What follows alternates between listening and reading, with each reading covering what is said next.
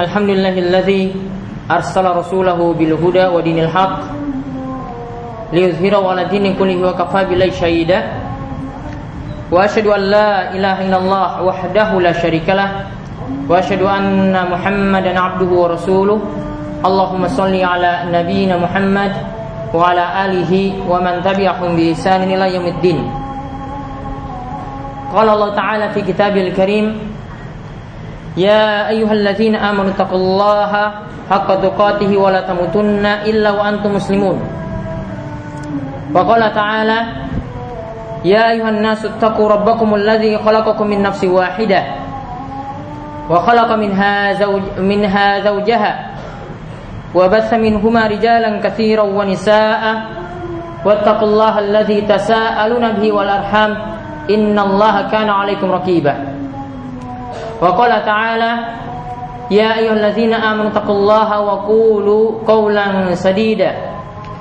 Yuslih lakum a'malakum wa yaghfir lakum dhunubakum wa may yuti'illaha wa rasulahu faqad faza fawzan 'azima.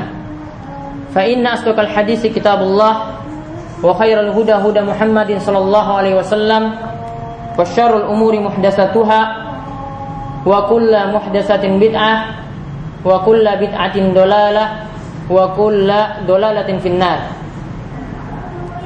Masyarul muslimin Jamaah sholat Jumat Ya semoga selalu mendapatkan Taufik dan hidayah dari Allah subhanahu wa ta'ala. Alhamdulillah Kita bersyukur kepada Allah subhanahu wa ta'ala Atas berbagai macam nikmat yang telah Allah subhanahu wa ta'ala anugerahkan kepada kita sekalian di mana nikmat yang terbesar yang Allah Subhanahu wa taala berikan yaitu Allah Subhanahu wa taala masih memberikan kita nikmat iman dan nikmat Islam. Dan juga nikmat yang lainnya yang Allah Subhanahu wa taala berikan adalah nikmat kesehatan. Begitu juga nikmat waktu luang atau waktu senggang sehingga kita pun bisa melangkahkan kaki kita ke masjid yang mulia ini atas nikmat-nikmat tadi yang telah Allah Subhanahu wa taala anugerahkan kepada kita sekalian. Tugas kita adalah mensyukuri nikmat tersebut karena betapa banyak dari manusia yang telah diberi berbagai macam nikmat. Baik nikmat jasmani maupun nikmat rohani, namun mereka tidak pandai mensyukuri nikmat tersebut. Sehingga Allah Subhanahu wa taala itu katakan, Wa in ta'uddu ni'matallahi la tuhsuha. Jika kalian itu nikmat-nikmat Allah Subhanahu wa taala maka kalian tidak mampu menghitungnya. Artinya nikmat Allah yang Allah berikan itu sangat banyak sekali. Dan itu semua akan ditanyakan pada hari kiamat kelak. Sebagaimana Allah Subhanahu wa taala berfirman dalam ayat yang lainnya, "Tsumma latus'alunna yauma idzin 'anin na'im." Dan kelak kalian itu akan ditanyakan tentang nikmat yang telah diberikan kepada kalian. Di antara nikmat yang akan ditanya menurut pakar tafsir yang dimaksudkan dengan ayat tadi adalah adalah nikmat kesehatan. Karena betapa banyak orang yang diberikan kesehatan dan dia baru sadar ketika dia ditimpa musibah atau mendapati sakit, ketika dia mendapati keadaan dirinya itu dalam keadaan sehat, dia tidak mampu mensyukuri nikmat Allah Subhanahu wa taala dengan benar. Dan yang namanya mensyukuri nikmat Allah Subhanahu wa taala yaitu dengan kita meyakini dalam hati nikmat tersebut berasal dari Allah Subhanahu wa taala ditambah dengan mengucapkan dalam lisan kemudian juga ditambah dengan nikmat yang diberikan itu di dipakai atau digunakan untuk melakukan amalan ketaatan kepada Allah Subhanahu wa taala. Kemudian salawat dan salam juga senantiasa kita panjatkan kepada junjungan kita Nabi besar Nabi Agung Muhammad sallallahu alaihi wasallam dan barang siapa yang bersalawat kepada Nabi kita Muhammad itu sekali maka Allah Subhanahu wa taala akan membalasnya sebanyak 10 kali. Dan hari Jumat ini adalah hari yang di mana kita banyak dianjurkan untuk banyak bersalat kepada Nabi kita Muhammad Sallallahu Alaihi Wasallam. Masyarakat muslimin, jamaah salat Jumat yang semoga selalu dirahmati oleh Allah Subhanahu Wa Taala. Dalam hadis riwayat Ahmad, di mana hadis ini adalah hasan li ghairihi, yaitu dinilai hasan dilihat dari jalur yang lainnya. Itu ada orang seseorang yang pernah bertanya pada Nabi Sallallahu Alaihi Wasallam, Ayul kasbi atiyab pekerjaan apa yang lebih baik atau yang lebih diberkahi atau yang paling halal. Kemudian Nabi SAW itu menjawab, amalur rajuli biyadihi wa kullu bai'in mabrurin. Nabi SAW kemudian menjawab bahwa pekerjaan yang diberkahi itu adalah setiap pekerjaan yang menggunakan tangan sendiri dan setiap jual beli yang diberkahi. Jual beli yang mabrur, jual beli yang diberkahi. Dari hadis yang ringkas ini kita ambil dapat mengambil beberapa pelajaran. Yang pertama di sini kita lihat bahwasanya Nabi SAW itu mengatakan manakah pekerjaan ya yang dimasukkan dengan kasbi di sini dalam hadis ini adalah manakah pekerjaan yaitu pekerjaan untuk mendapatkan rizki yang paling baik atau yang lebih diberkahi karena makna atiab sebagian ulama menafsirkan yang paling diberkahi ada yang menafsirkan yang paling halal di sini kita dapat mengambil pelajaran bahwasanya sahabat ini tidak menanyakan manakah pekerjaan yang paling mendapatkan penghasilan yang banyak. Ya, yang paling mendapatkan penghasilan yang banyak. Tapi yang dia tanyakan adalah manakah pekerjaan yang paling diberkahi. Ya, manakah pekerjaan yang paling diberkahi. Maka yang dituntut bagi kita adalah mencari pekerjaan itu bukan untuk mencari penghasilan yang banyak, namun apa yang paling bagus adalah jika kita mencari pekerjaan itu adalah yang paling diberkahi di sisi Allah Subhanahu wa taala. Yang namanya berkah, yang namanya barokah itu dimaksudkan dengan barokah adalah kebaikannya itu ada dan nanti akan terus-menerus bertambah. Kebaikannya itu ada, tetap terus ada dan akan terus-menerus bertambah. Ini namanya barokah. Jadi yang ditanya oleh sahabat ini adalah manakah pekerjaan yang paling diberkahi? Bukan manakah yang paling pendapatannya itu paling besar.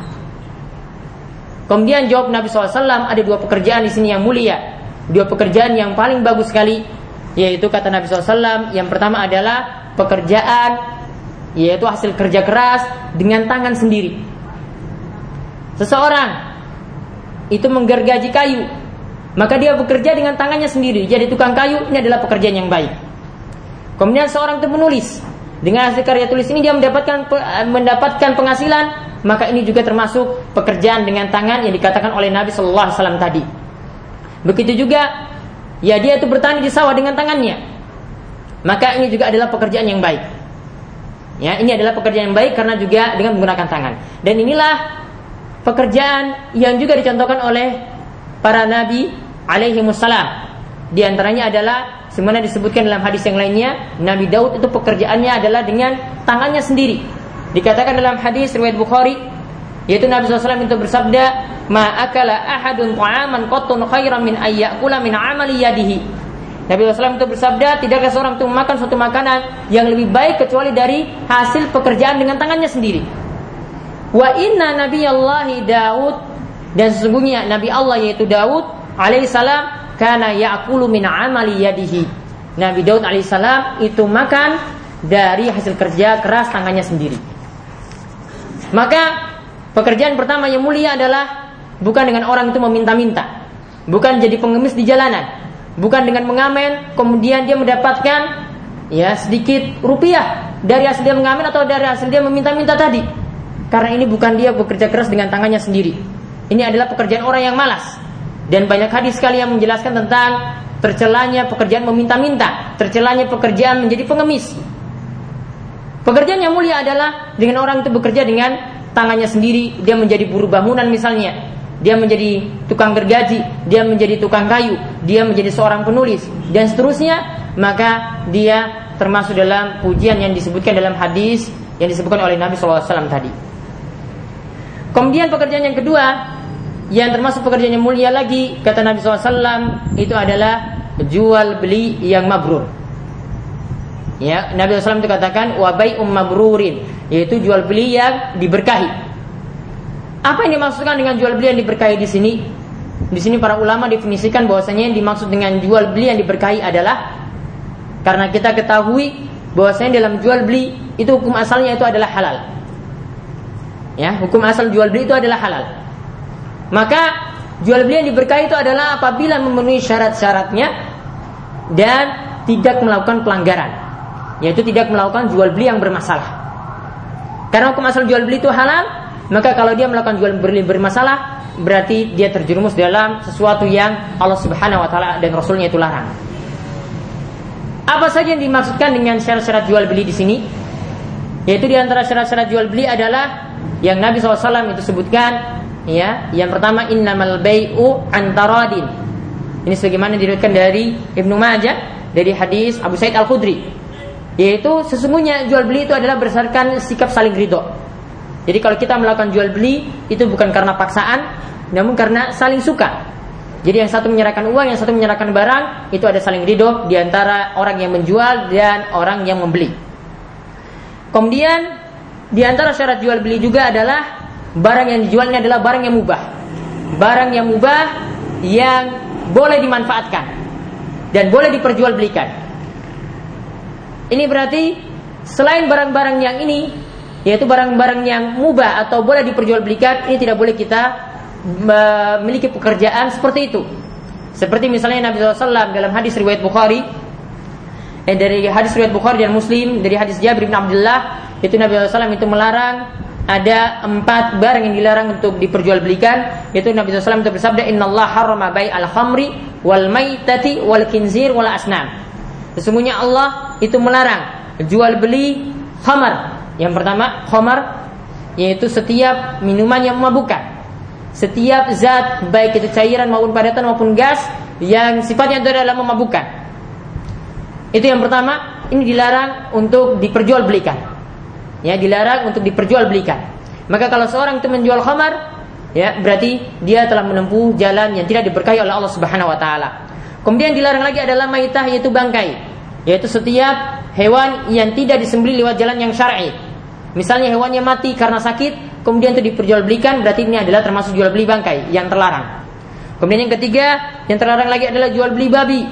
Meskipun babi ini bisa menghasilkan uh, bisa setiap saat itu bisa uang berputar begitu cepatnya, ya. Walaupun dengan alasan seperti itu jual beli babi ini adalah jual beli yang diharamkan. Kemudian yang terlarang lagi adalah jual beli patung. Ya, jual beli patung ini juga adalah jual beli yang terlarang. Sehingga orang yang berprofesi untuk membuat patung juga adalah orang yang berprofesi dengan penghasilan yang diharamkan. Kemudian di antara yang lainnya lagi yang Nabi SAW itu larang adalah barang yang diperjualbelikan adalah Nabi SAW itu dikatakan naha an samanil kalbi yaitu Nabi SAW itu melarang dari upah dari jual beli anjing maka anjing tidak boleh diperjualbelikan hasil upahnya atau hasil jual belinya adalah hasil jual beli yang haram begitu juga Nabi SAW mengatakan ya disebutkan oleh seorang sahabat juga bahwasanya Nabi naha an samanid dammi bahwa Nabi SAW itu melarang jual beli darah di antara bentuknya adalah misalnya seorang itu menjual darahnya, yaitu untuk dua, tujuan donor darah, kemudian dia ingin mendapatkan upah dari menjual beli do, e, darah tadi. Mungkin saja dia penghasilannya ketika suatu hari tidak cukup, maka dia cuma punya barang yang bisa dijual adalah darahnya sendiri. Maka hal ini tidak diperbolehkan. Ya, mengambil upah dari jual beli darah seperti ini adalah diharamkan sebagaimana yang disebutkan dalam hadis tadi. Begitu juga setiap barang yang diharamkan maka upahnya itu adalah haram. Ya, setiap barang yang diharamkan, misalnya ada kartu yang digunakan untuk judi. Ya, atau ada minuman selain khamar juga yang sifatnya itu adalah haram. Memabukkan ataupun itu membuat kecanduan seperti narkotik. Maka jual belinya di sini juga adalah jual beli yang haram karena Nabi SAW itu mengatakan innallaha idza harrama syai'an harrama samanahu. Itu dalam hadis Darqutni, yaitu Nabi SAW itu jika melarang sesuatu, maka Nabi SAW juga melarang upah hasil jual belinya. Nah inilah di antara barang-barang yang diharamkan untuk diperjualbelikan. Ini tidak memenuhi syarat jual beli karena di antara syarat jual beli yang harus dipenuhi adalah barang tersebut adalah mubah pemanfaatannya. Artinya mubah atau dibolehkan kita untuk memanfaatkannya. Demikian khutbah yang kami sampaikan pada khutbah pertama ini. Aku qouli hadza astaghfirullah li wa muslimin innahu was-sami'ul alim.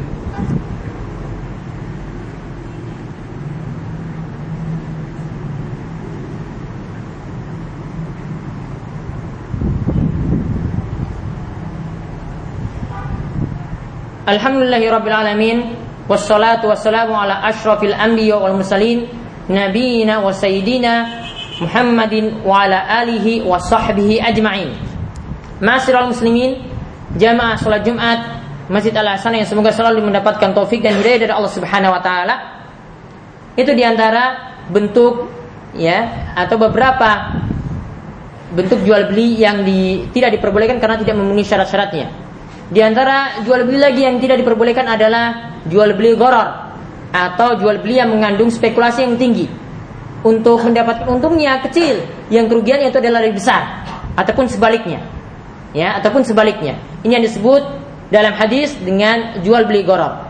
Jual seperti ini disebutkan dalam hadis Nahan Nabi sallallahu alaihi wasallam atau nah Rasulullah SAW an ba'il hasati wa an ba'il gharari yaitu Rasulullah SAW itu melarang jual beli hasah yaitu melempar dengan kerikil.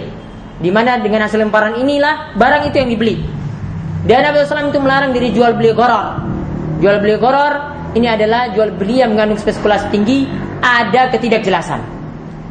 Ada ketidakjelasan di sini. Seperti misalnya dalam bentuk ya beberapa tempat pemancingan.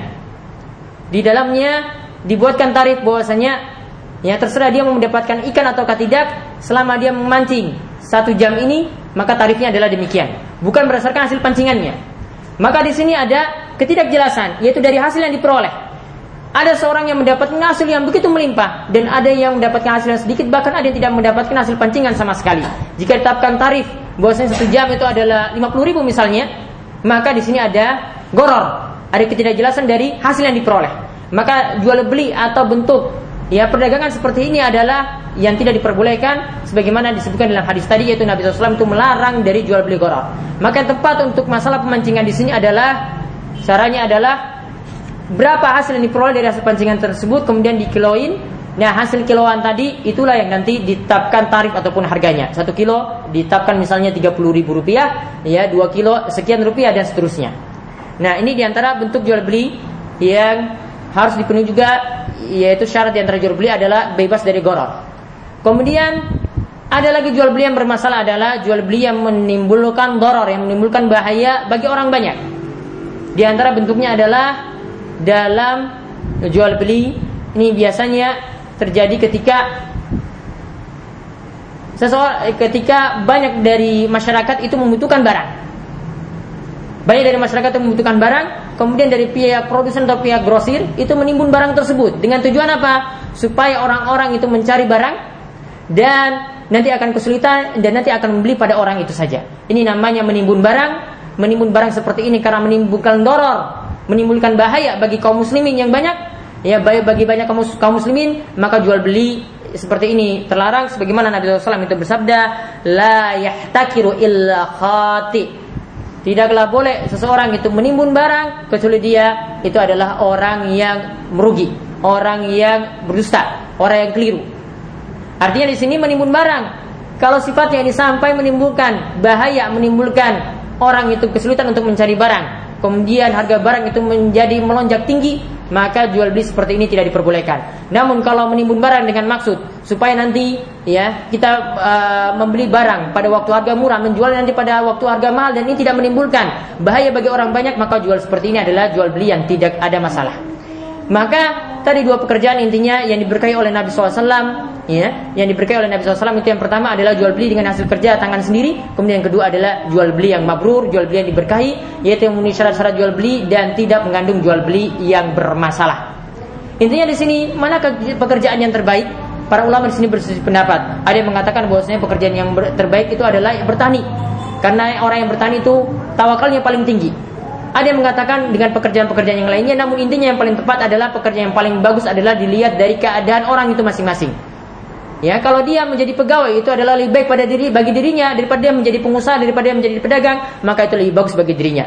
Kalau dia menjadi Seorang pedagang itu lebih bagus daripada dia kerja di kantoran, ya. Dia jual beli, melakukan jual beli sana sini itu lebih bagus, maka itulah yang lebih bagus bagi dirinya. Jadi, dilihat dari keadaan orang itu masing-masing karena setiap orang itu punya keadaan yang berbeda-beda, ada yang punya skill demikian, ada yang punya kemampuan demikian, maka dilihat dari keadaan orang itu masing-masing itulah pekerjaan yang terbaik bagi dirinya.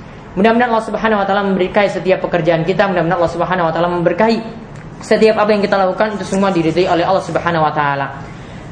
Di akhir khutbah ini marilah kita sebagaimana anjuran dalam awal khutbah tadi bahwasanya di hari Jumat yang penuh barokah ini Nabi SAW itu menganjurkan kepada kita untuk banyak bersalawat kepada Nabi kita Muhammad Sallallahu Alaihi Wasallam. Allahumma shalli ala Muhammad wa ala ali Muhammad kama shallaita ala Ibrahim wa ala ali Ibrahim innaka Hamidum Majid. Allahumma barik ala Muhammad wa ala ali Muhammad kama barakta ala Ibrahim wa ala ali Ibrahim innaka Hamidum Majid. Marilah kita berdoa kepada Allah Subhanahu wa taala semoga Allah Subhanahu wa taala memperkenankan setiap doa kita. Allahumma fir lil muslimina wal muslimat wal mu'minina wal mu'minat al ahya'i minhum wal amwat innaka sami'un qaribun mujibud da'wat Allahumma qsim lana min khasyatika ma tahulu bihi bainana wa baina ma'siyatik wa min ta'atika ma tuballighuna bihi jannatak wa min al-yaqini ma tuhawwinu bihi alaina masa'ibad dunya. Allahumma matina bi asma'ina wa absarina wa quwwatina ma ahyaitana waj'alhu waritha minna waj'al tha'rana ala man zalamana wansurna ala man adana. Wa la taj'al musibatana fi dinina wa la taj'al ad-dunya akbar hammina wa la mablagha ilmina wa la tusallit alaina man la yarhamuna Allahumma ya muqallibal qulub tsabbit qulubana ala dinik wa ya musarrifal qulub sarrif qulubana ala ta'atik ربنا اغفر لنا ولإخواننا الذين سبقونا بالإيمان ولا تجعل في قلوبنا غلا للذين آمنوا. ربنا إنك رؤوف رحيم. ربنا آتنا في الدنيا حسنة وفي الآخرة حسنة وقنا عذاب النار. ربنا آتنا في الدنيا حسنة وفي الآخرة حسنة وقنا عذاب النار. ربنا آتنا في الدنيا حسنة وفي الآخرة حسنة وقنا عذاب النار. وصلى الله وسلم على نبينا محمد وعلى آله وصحبه أجمعين. والحمد لله رب العالمين.